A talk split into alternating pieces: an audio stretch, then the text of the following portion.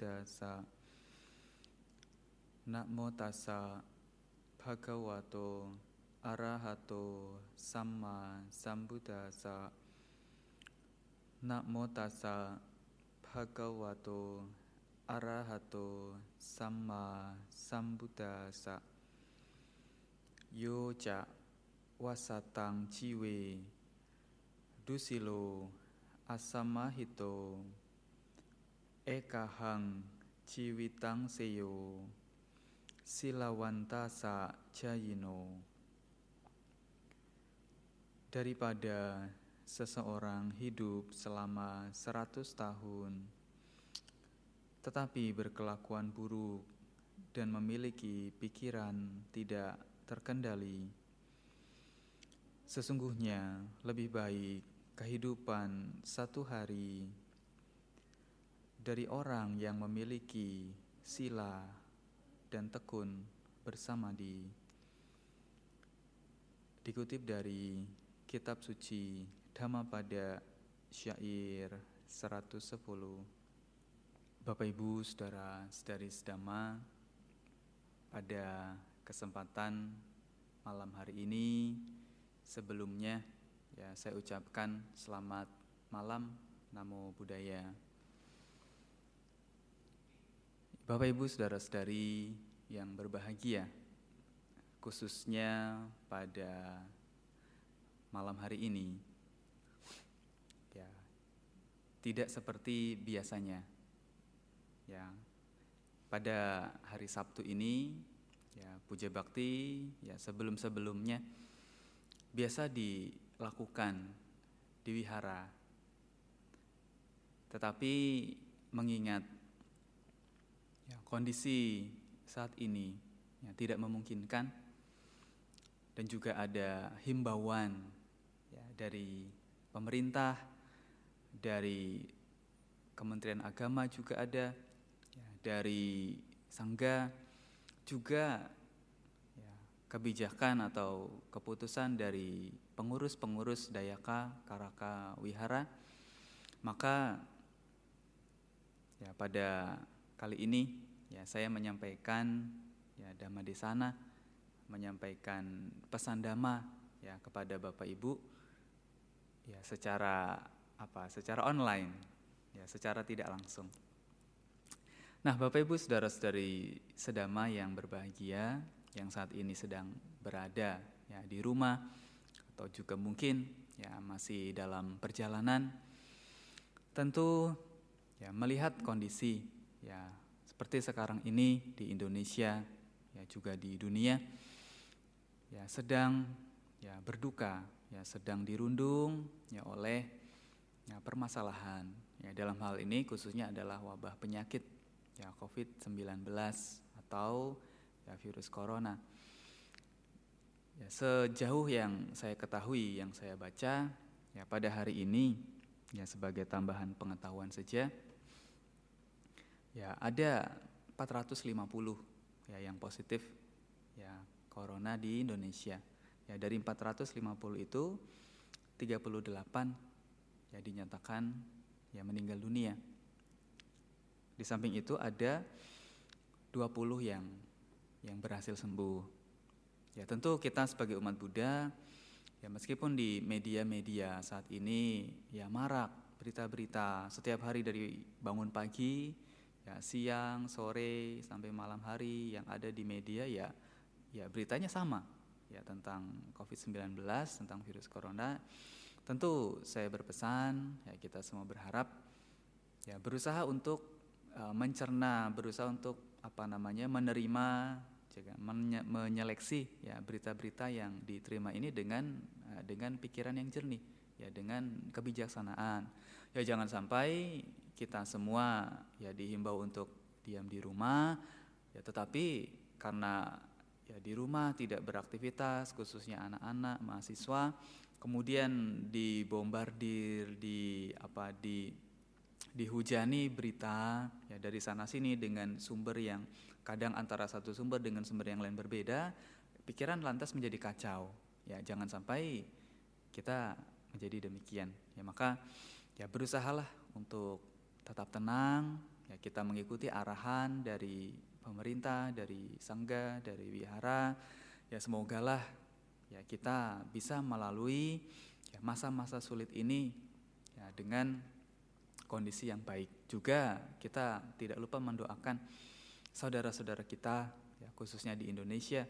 Ya semoga ya mereka bisa pula ya melewati masa sulit ini. Ya semoga ya keadaan lekas membaik.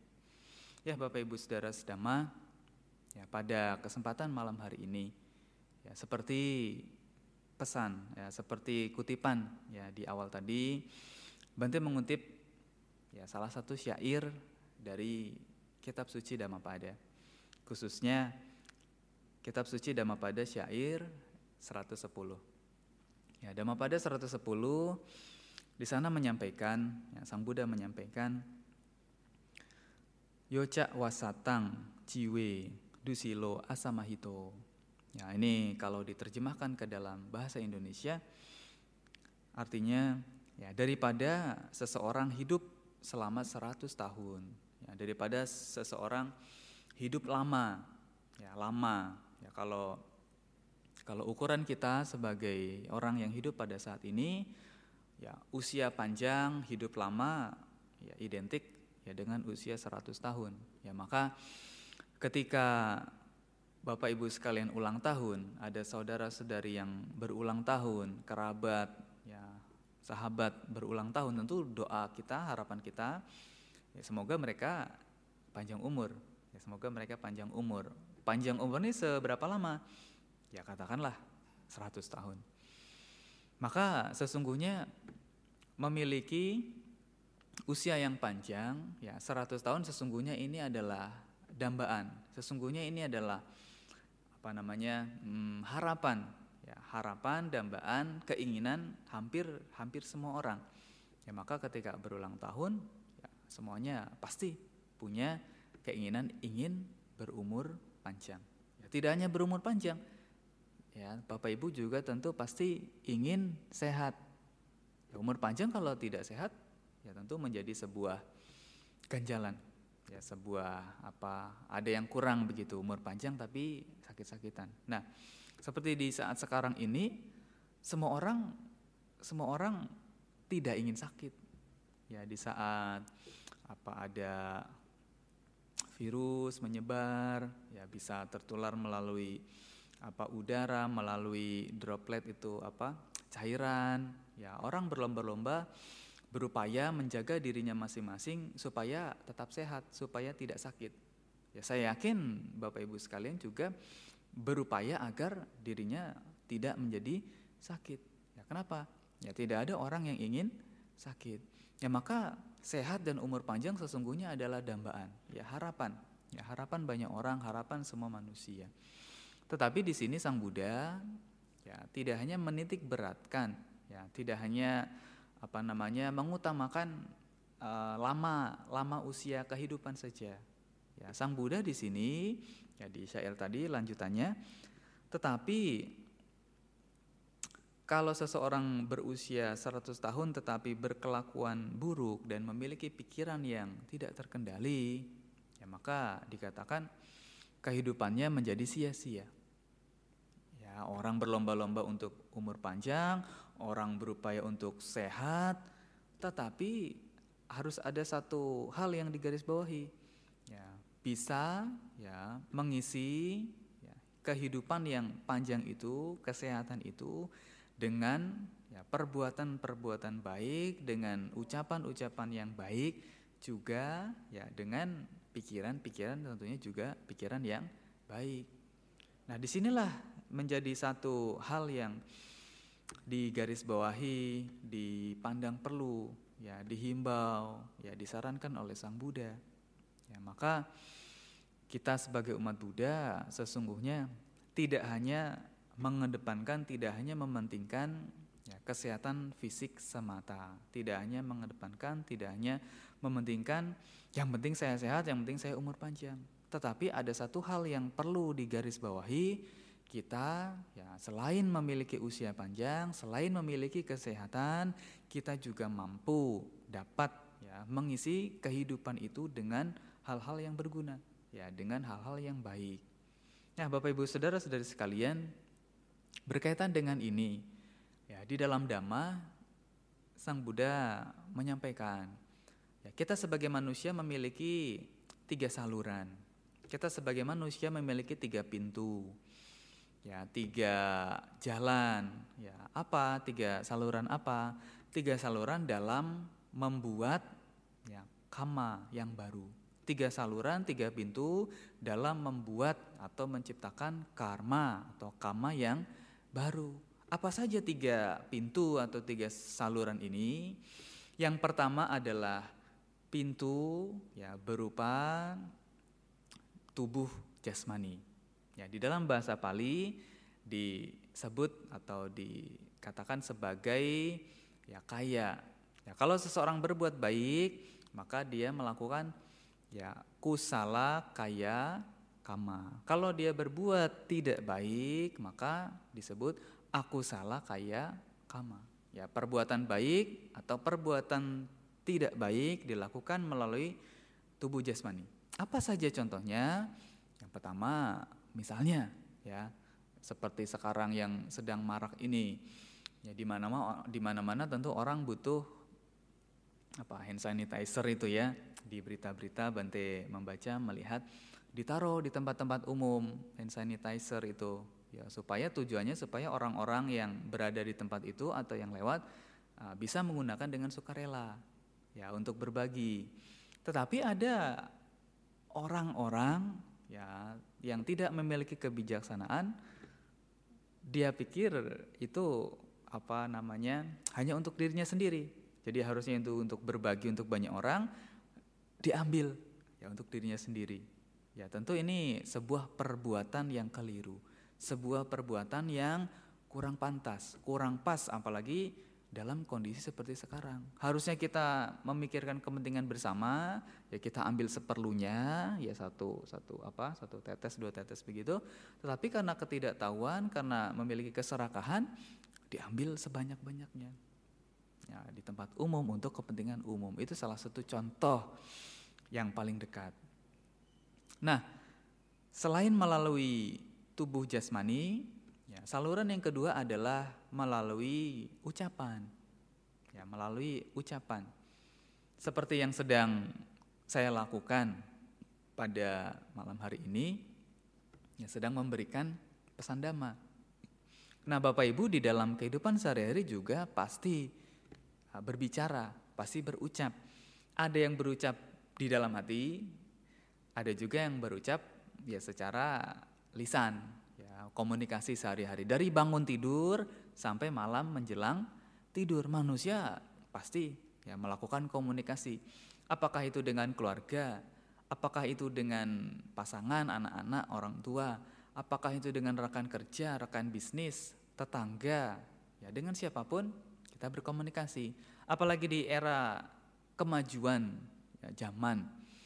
Seperti sekarang ini Ya manusia juga berkomunikasi melalui media uh, sosial, melalui media, media digital. Ya seperti yang Bapak Ibu lakukan ya malam hari ini atau ya sudah lewat waktu pagi, siang, sore di esok hari apa membuka media online. Ya, jadi manusia sekarang juga berkomunikasi secara online. Ya, kita tidak bertatap muka, ya tapi seolah-olah ya sedang ya, berbicara seolah-olah sedang berkomunikasi. Nah, di dalam melakukan komunikasi ini ya kita patut untuk memperhatikan, mengawasi apakah komunikasi, apakah ucapan, apakah pembicaraan yang kita lakukan ini sudah tepat, sudah sesuai anjuran Sang Buddha atau malah sebaliknya. Ya, yang dilarang, yang tidak dianjurkan oleh Sang Bagawa. Sang Bagawa menyarankan ya kita sebagai manusia melalui saluran ucapan ya melalui perbuatan melalui ucapan ini lakukanlah hal-hal lakukanlah ucapan-ucapan yang baik yang bermanfaat yang berguna yang menyenangkan hati pendengarnya, ucapan yang jujur, ya, yang enak didengar, ramah, dan lain sebagainya. Ya, di luar itu ada banyak sekali ya tindakan-tindakan melalui ucapan yang membuat orang lain menderita. Dan juga bahkan ada ucapan-ucapan yang pada akhirnya membuat diri sendiri menjadi susah. Ya, fitnah, bergunjing, ya, dan lain sebagainya memang pada awalnya menimpa orang lain, tetapi pada ujungnya bisa juga ya, menimpa diri sendiri. Akibat ucapan yang kita lakukan ini salah, tidak benar, tidak sesuai, selain merugikan orang lain juga bisa merugikan, menghancurkan diri kita sendiri. Ya oleh sebab itu pada saat ini kita perlu sekali untuk berhati-hati. Ditambah lagi dengan kemajuan teknologi, ya Bapak Ibu dalam kehidupan sehari-hari tentu intens, ya tentu sering berkomunikasi melalui media ya, digital, media sosial, smartphone, uh, pesan singkat dan lain sebagainya. Nah, berhati-hatilah ya dalam ya berucap. Tapi kalau di media seperti itu tentu berupa tulisan atau melalui video, ya video live, live streaming atau story, ya story WA, story IG, ya, atau di YouTube dan lain sebagainya. Apalagi di masa-masa kita dihimbau untuk beristirahat seperti ini, pasti Bapak Ibu hari-hari belakangan ini dan beberapa hari ke depan tentu lebih banyak menghabiskan kehidupan di rumah, ya work from home, ya sekolah dari rumah, kerja dari rumah. Tentu salah satu kegiatan yang mungkin menjadi selingan adalah apa menggunakan gadget tadi, sosial media. Maka berhati-hatilah. Kadang karena kita merasa jenuh, merasa bete yang sehari-hari kita bisa keluar, bisa keliling, bisa makan di sana, jalan ke sana, ketemu di sana, tapi harus dipaksa, harus di rumah, mungkin merasa jenuh, merasa bosan, maka melakukan hal-hal yang aneh-aneh, membuat status yang aneh-aneh, menulis berita yang aneh-aneh. Nah, ini Bapak Ibu harus hati-hati. Kenapa? Selain bisa merugikan orang lain, ya hati-hati pula bisa merugikan, membahayakan diri sendiri. Ya ini saluran yang kedua. Ya, kalau ucapan yang dilakukan baik, ya istilahnya adalah kusala waci kama. Ya, kalau ucapan yang diucapkan tidak baik, istilahnya adalah aku salah waci kama. Nah, ini saluran yang kedua. Ada satu saluran lagi atau pintu satu lagi yang ketiga adalah ya, perbuatan yang dilakukan melalui pikiran. Pikiran ini sifatnya halus. Pikiran ini tidak bisa diketahui oleh orang lain tanpa pengamatan yang mendalam. Siapa yang tahu? Ya orang yang sedang duduk di belakang Bapak Ibu atau yang sedang duduk di samping Bapak Ibu sedang memikirkan apa saat ini. Ya, bahkan saya juga tidak tahu Bapak Ibu sambil melihat, sambil menyimak, sambil menonton video ini, pikiran-pikiran apa saja yang yang lewat, yang masuk, yang muncul ya di dalam pikiran Bapak Ibu saat ini. Nah, di dalam kehidupan sehari-hari muncul ya manusia ini muncul begitu banyak ya bentuk-bentuk pikiran. Bentuk-bentuk pikiran yang muncul ini ada yang sifatnya baik, ada sifatnya yang tidak baik. Tetapi di antara dua ini ada juga yang sesungguhnya sifatnya bentuk-bentuk pikiran yang sifatnya adalah netral. Nah, terhadap bentuk-bentuk pikiran yang baik, bentuk-bentuk pikiran yang tidak baik atau bentuk-bentuk pikiran yang netral, sesungguhnya satu hal yang bisa kita kendalikan adalah respon. Ya, bagaimana kita, kesadaran kita merespon bentuk-bentuk pikiran tadi. Ketika seseorang tidak bisa melatih ya, dirinya, tidak bisa melatih pikirannya, maka di dalam kehidupan sehari-hari dia terombang-ambing oleh berbagai macam bentuk-bentuk pikiran yang muncul. Ketika bentuk pikiran baik yang muncul, ya dia jadi orang baik. Muncul pikiran-pikiran yang baik, mengarah pada ucapan tindakan yang baik. Tetapi ketika bentuk-bentuk pikiran buruk yang muncul tidak disadari, ya ini juga bisa mengarahkan, mendorong pada perbuatan-perbuatan yang tidak baik serta ucapan-ucapan yang tidak baik. Nah, maka tugas kita sebagai umat Buddha, apalagi yang ya praktisi dhamma, ya belajar dhamma, praktik dhamma, ya awasi. Ya, selalu miliki perhatian, awasi bentuk-bentuk pikiran apa yang muncul saat ini. Ya, saat ini saya sedang apa? Bentuk pikiran apa yang muncul saat ini? Apakah baik? Apakah tidak baik? Apakah netral? Tidak cukup sampai di situ, kita juga memiliki ya sampajana mengarahkan supaya pikiran kita ini cenderung mengarah pada bentuk-bentuk pikiran yang baik, mengarahkan pikiran kita pada hal-hal, objek-objek yang baik. Nah, Bapak Ibu Saudara, Saudari sekalian, ya, manusia ini kadang memiliki banyak banyak alasan. Ya, contoh, ketika praktek meditasi. Pertanyaan yang sering kali muncul adalah, Bante, saat meditasi pikiran saya tidak mau diam. Bante, ketika meditasi, kenapa pikiran saya tidak mau diam? Nah, Bapak Ibu tentu sebagai orang yang mungkin baru awal belajar meditasi atau sudah cukup sering ikut retret meditasi atau sebagai praktisi ya rutin melakukan meditasi, maka sesungguhnya sudah tidak asing ya, dengan satu kenyataan bahwa pikiran seseorang, pikiran kita ini begitu apa begitu mudah terdistraksi, begitu mudah muncul pikiran baru, pikiran baru, pikiran baru. Kita belum selesai apa mengamati pikiran yang satu, muncul pikiran yang lain. Kita belum selesai dengan satu tugas, dengan satu hal, muncul pikiran yang lain.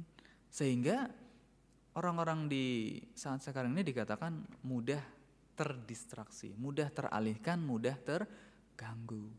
Ya jangan-jangan Bapak Ibu ya dari tadi menyimak pembahasan dhamma ya sudah terganggu, ya sudah tergoda, ya ingin buka Facebook, ingin buka Instagram atau ingin buka YouTube yang lain. Nah, itu salah satu bentuk distraksi, salah satu bentuk gangguan, salah satu bentuk bukti bahwa pikiran kita ini muncul, muncul dan muncul bentuk-bentuk pikiran yang baru.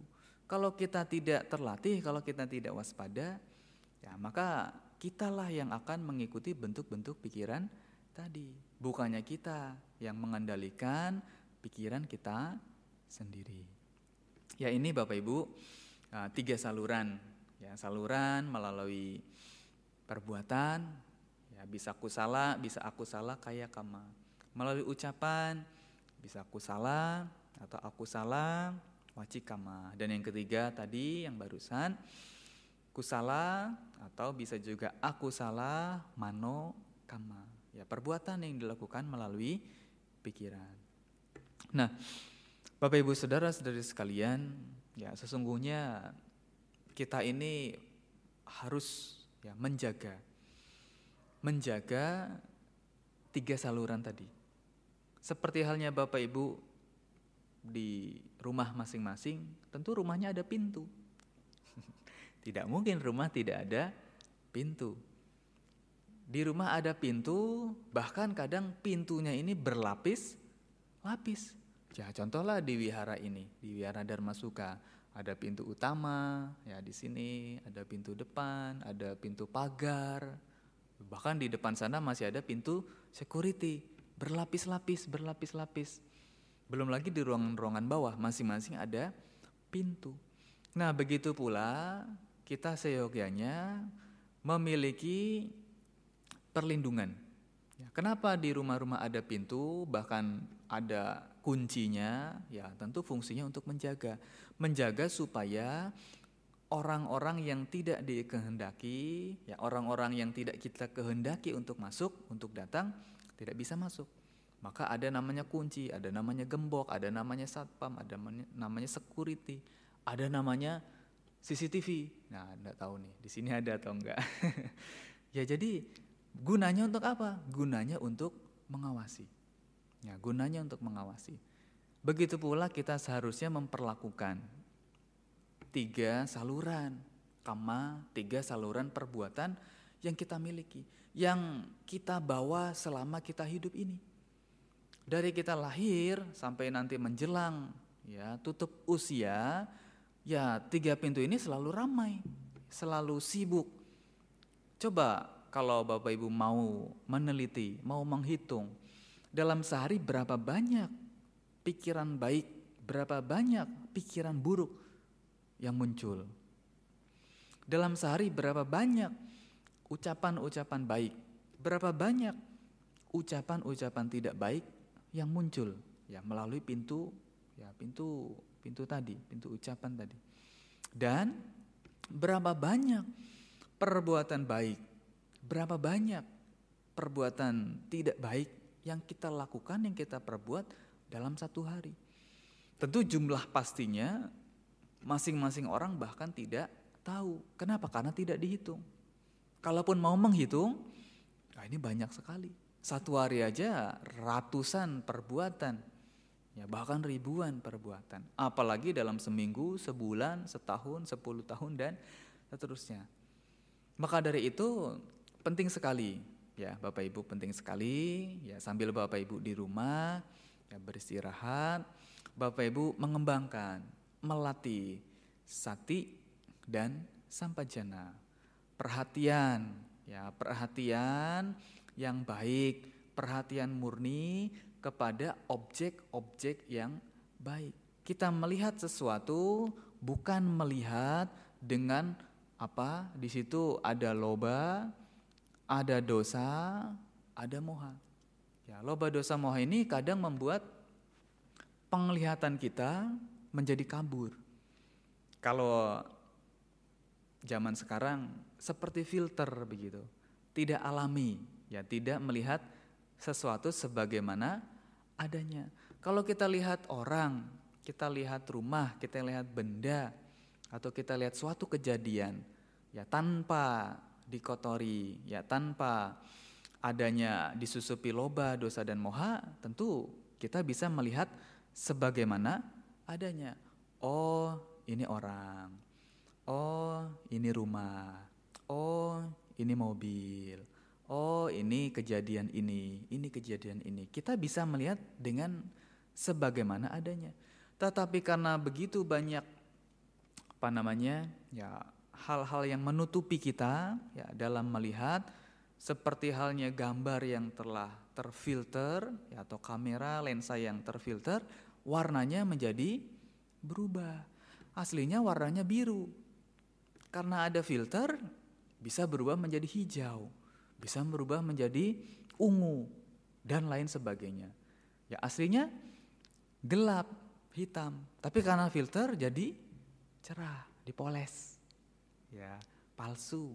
Ya begitu pula lah yang kita alami dalam kehidupan sehari-hari karena kita tidak melihat dengan sati, dengan sampah jana, kita tidak mampu melihat sebagaimana adanya. Ya, Bapak Ibu sambil di rumah, ya memiliki waktu luang, ya waktu untuk berlatih, ya belajar dhamma, meditasi gunakan.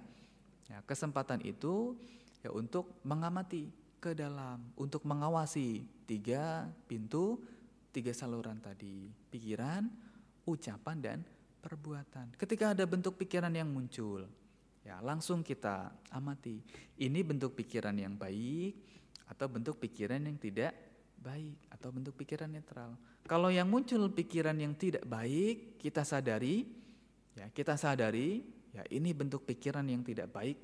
Kalau dilanjutkan mengarahkan pada hal-hal yang merugikan, maka kita arahkan pikiran kita pada objek-objek yang baik sehingga memunculkan bentuk-bentuk pikiran yang baik.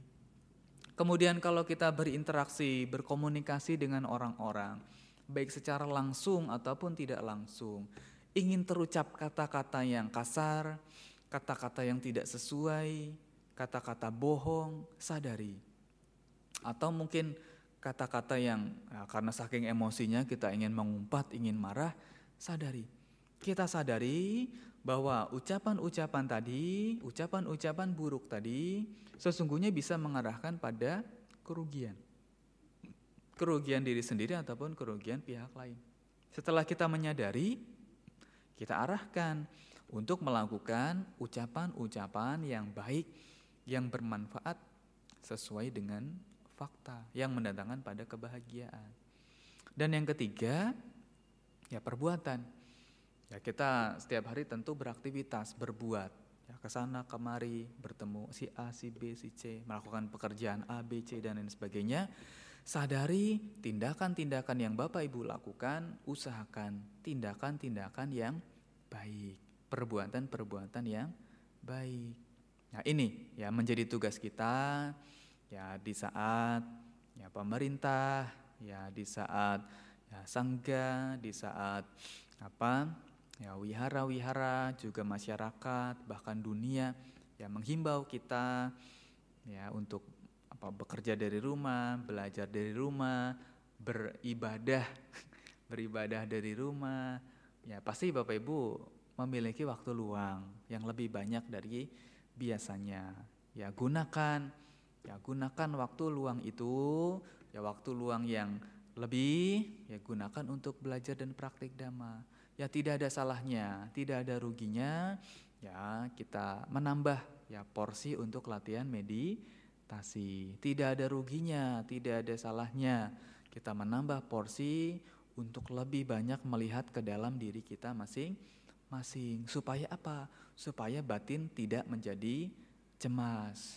Ya, juga seperti pesan ya kutipan di awal tadi, ya jadilah ya hidup ini bermanfaat. Tidak hanya melulu soal seberapa panjang usia kehidupan kita, seberapa lama kita hidup di dunia, seberapa sehat kita menjalani hidup, tetapi kita juga harus ingat perbanyaklah perbuatan-perbuatan baik, perbanyaklah perbuatan-perbuatan ber berguna, bermanfaat bagi orang lain, bagi pihak lain, terutama ya saat sedang ada musibah seperti ini, tentu banyak orang, banyak sekali pihak yang membutuhkan uluran tangan kita, yang membutuhkan bantuan tangan kita, yang membutuhkan nasihat, pengetahuan, atau bahkan informasi dari kita. Ya, gunakanlah ya kehidupan kita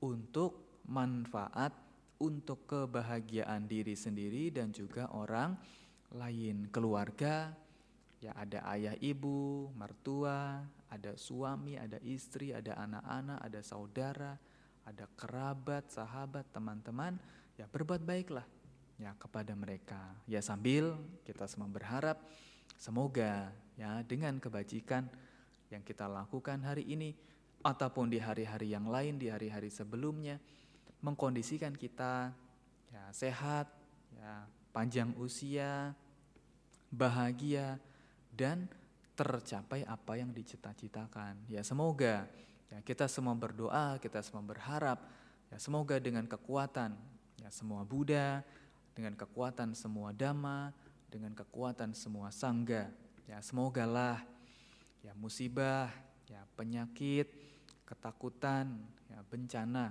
penderitaan ini menjadi lenyap adanya. Ya semoga para dewa, ya semoga para Buddha ya, melindungi, ya semoga semua makhluk hidup berbahagia. Terima kasih.